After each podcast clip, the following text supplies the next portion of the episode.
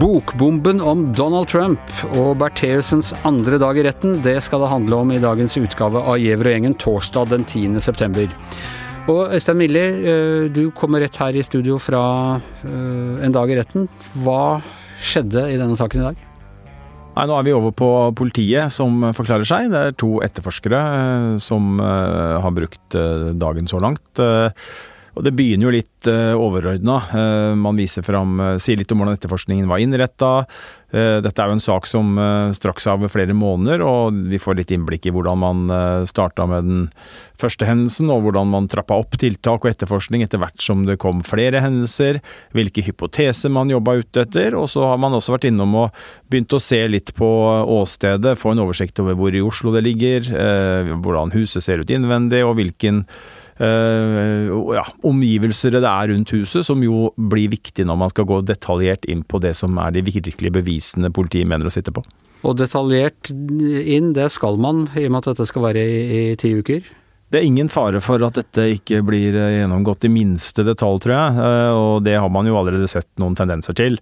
Men, men sånn er det jo i en rettssak. Det, det, står ofte om detaljer, og da skal det være presist. og Eh, en etterforskning skal være grundig, og da blir det sånn eh, i retten også at man eh, Det blir omfattende, og for noen vil det sikkert virke at det er overdrevent fokus på detaljer, men, men, det er jo viktig for helheten og viktig for at man skal kunne være trygg på at det blir en riktig avgjørelse til slutt. For selve sakskomplekset kom ganske greit fram allerede i, i, på rettssakens første dag, liksom hva det står om her? Det er helt riktig. Det er jo, det er jo sånn at man Påtalemyndigheten forsøker å bygge et, et tydelig bilde.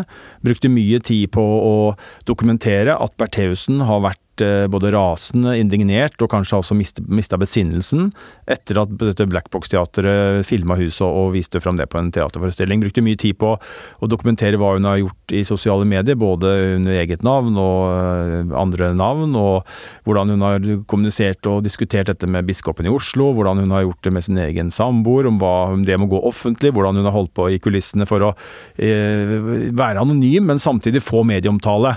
Ikke sant? Så, så påtalemyndigheten ønsker jo da å vise at her er det en dame som er fryktelig opptatt av denne saken. Nærmest eh, bokstavelig talt dag og natt. Og så kommer jo neste skritt på påtalemyndighetens eh, taktikk eh, og opplegg da, er jo å si at Og det opptok henne så mye at hun gjorde mer. Hun starta med å iscenesette disse angrepene mot seg selv og samboeren. Eh, det, er, eh, liksom, det, det, tyder alt på ut fra en logikk og hvordan hun agerer. Dessuten så har vi disse bevisene, og de har vi her. Og så kommer det ene etter det andre, og så skal man da til slutt overbevise retten om at eh, det er ikke noen tvil, og at hun da skal dømmes. Og så vet vi at hun nekter straffskyld, og at allerede Jon Christian Elden er i gang med å peke på det han mener er svakheter og tvil, og, og mangel på å undersøke andre muligheter enn en, en Laila Bertheussen.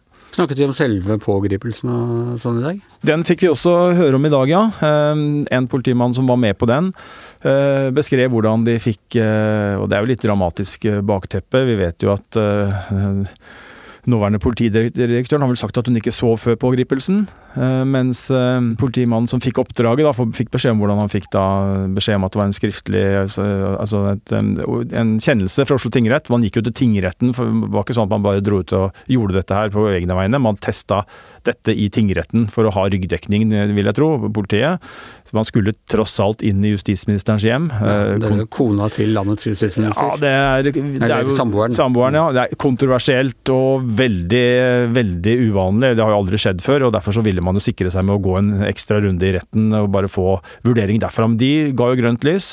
Det skulle ransakes, og Bertheussen skulle pågripes. Eh, eh, den skriftlige biten av det var eh, på plass med ransaking, og han fikk da en muntlig beskjed, politimannen, om at han skulle pågripe justisministerens uh, samboer. Det er ganske spesielt for en polititjenestemann å Det er nok noe han kommer til å huske, tenker jeg. Og til uh, han går av med pensjon nå etter det også.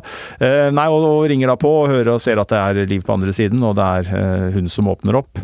Og han sier at det er en utvikling i saken, så vi lurer på om vi kan komme inn. Og hun er litt, framstår litt overraska og sier jeg har ikke noen avtale om det nå, men de går inn i gangen. og Han forteller henne da at de har en skriftlig kjennelse fra Oslo tingrett om å ransake hjemmet. Og etter hvert også at hun er pågrepet. Og hun sier da at jeg kan, ikke, jeg kan ikke tro at dette virkelig skjer.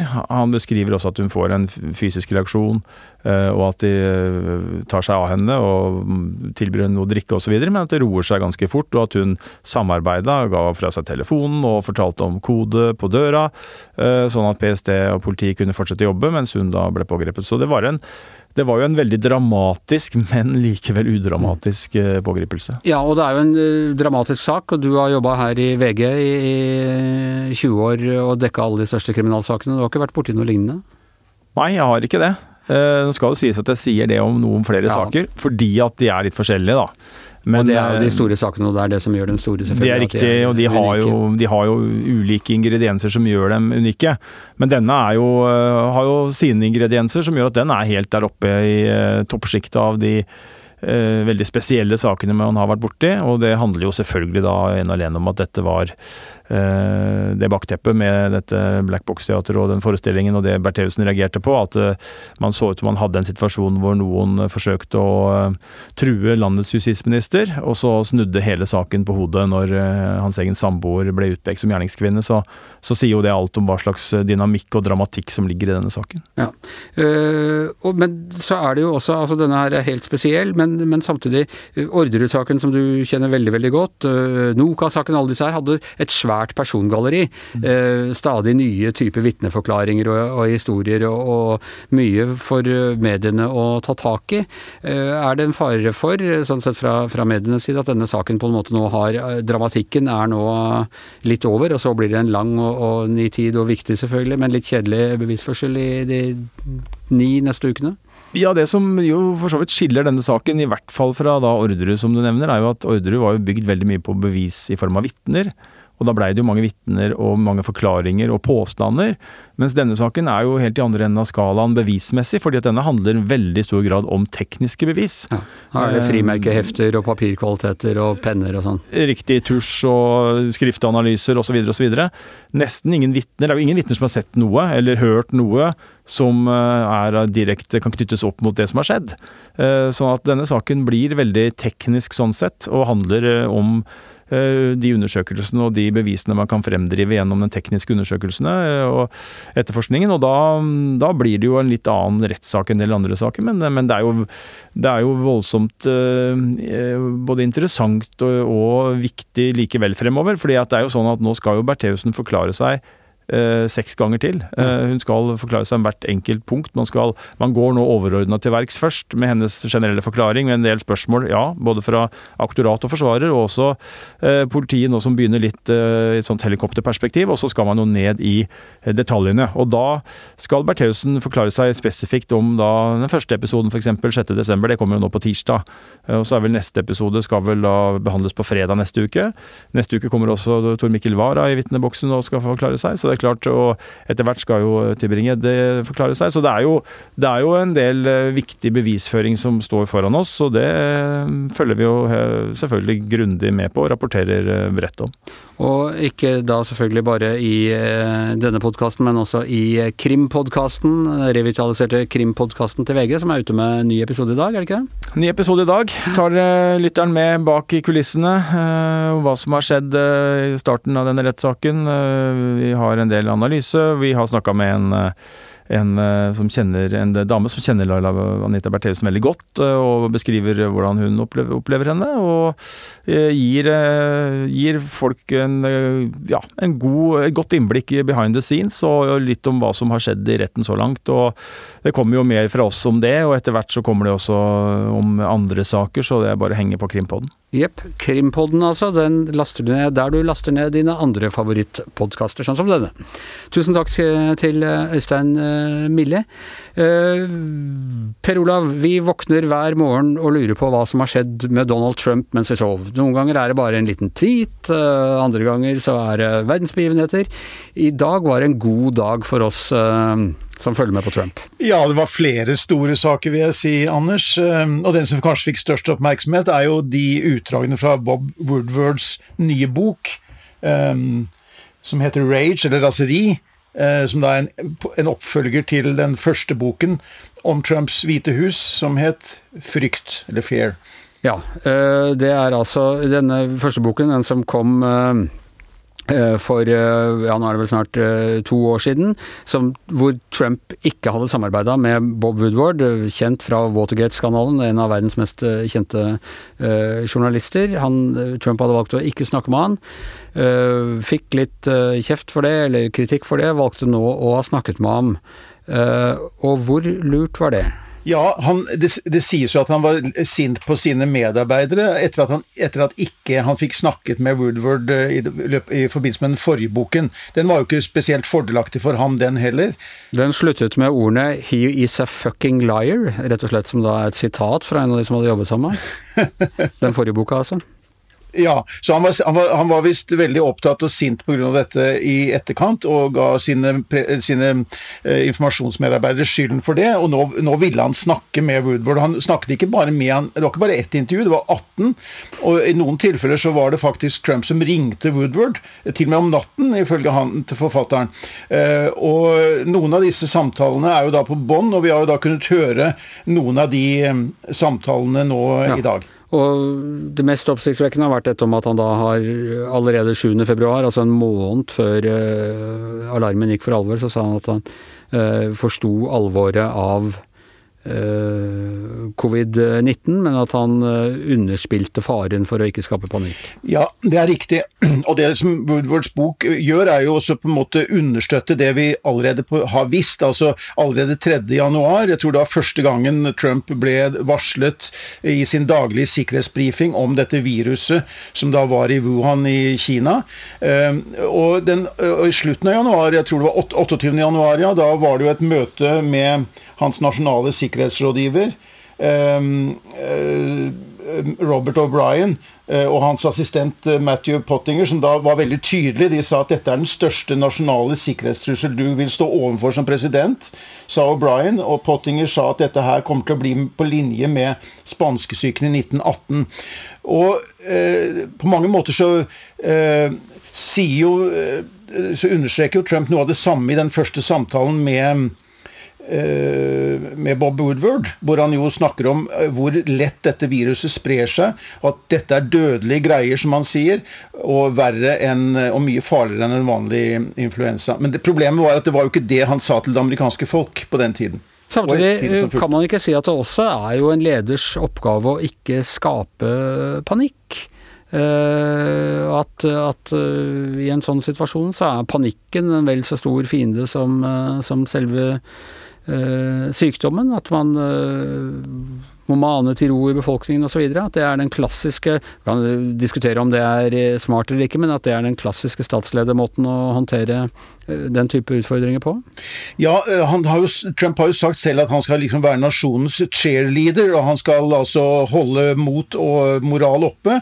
Um, men jeg tror det er ganske, ganske, allment anerkjent at i epidemier så er noe av det aller viktigste politiske ledere gjør, er å, å, å, videreformidle sann informasjon i rett tid og gi mye informasjon til befolkningen. fordi at dette med en godt informert befolkning det er et av de aller viktigste smitteverntiltakene. For å skape forståelse for de virkemidler myndighetene må bruke, så må også folk være godt informert. Så Det var jo det Kina sviktet med i den innledningen innledende fasen av denne epidemien.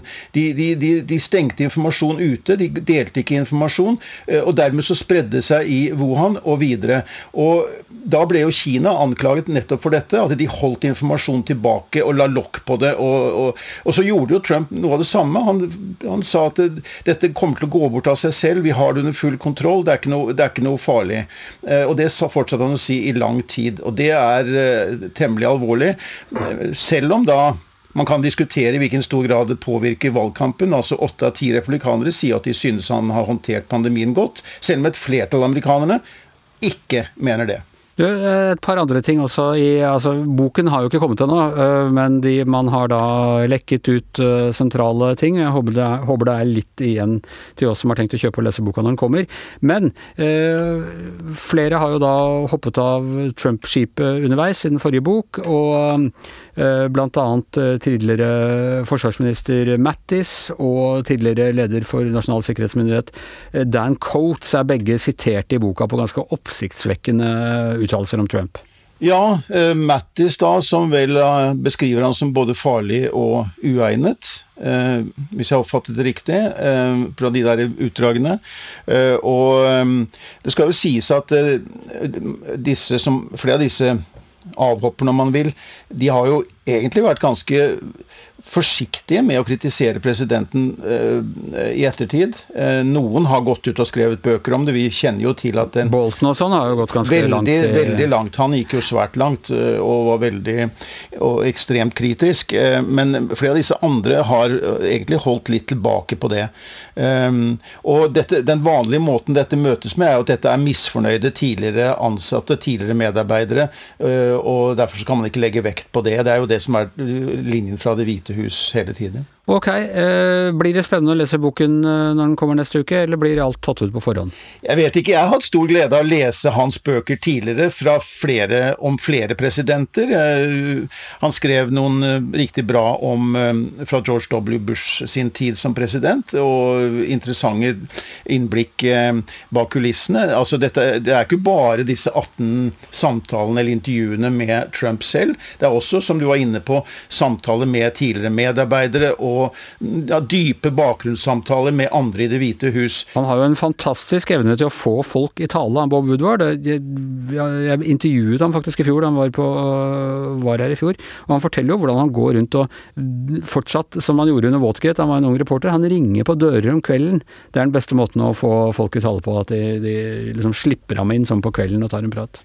Ja, og jeg må si at jeg er litt forundret over at Trump 18 ganger har snakket med han i denne boken. Antagelig da åpenbart i et forsøk på å eh, vinne han over og på en måte få han til å forstå hva han, eh, hans prosjekt i Det hvite hus og, og hva han står for. Men, eh, men, det vi har fått vite til nå, er dårlige nyheter for presidenten, vil jeg mene. Spennende blir det Åkkesom. Vi kommer til å faktisk intensivere dekningen av Donald Trump fram mot valget fra og med neste uke. Følg med på Gjever og gjengen, så skal du få høre mer om det. Sendingen er over for i dag. Eh, I hjemmestudio Per Olav Ødegaard. Her i studio eh, i Akersgata var Øystein Milli, Anders Giæver og vår Deep Throat-produsent Magne Antonsen. I morgen er det Giæver og Gjertsen, og da har vi Fredrik Solvang som gjest, så følg med.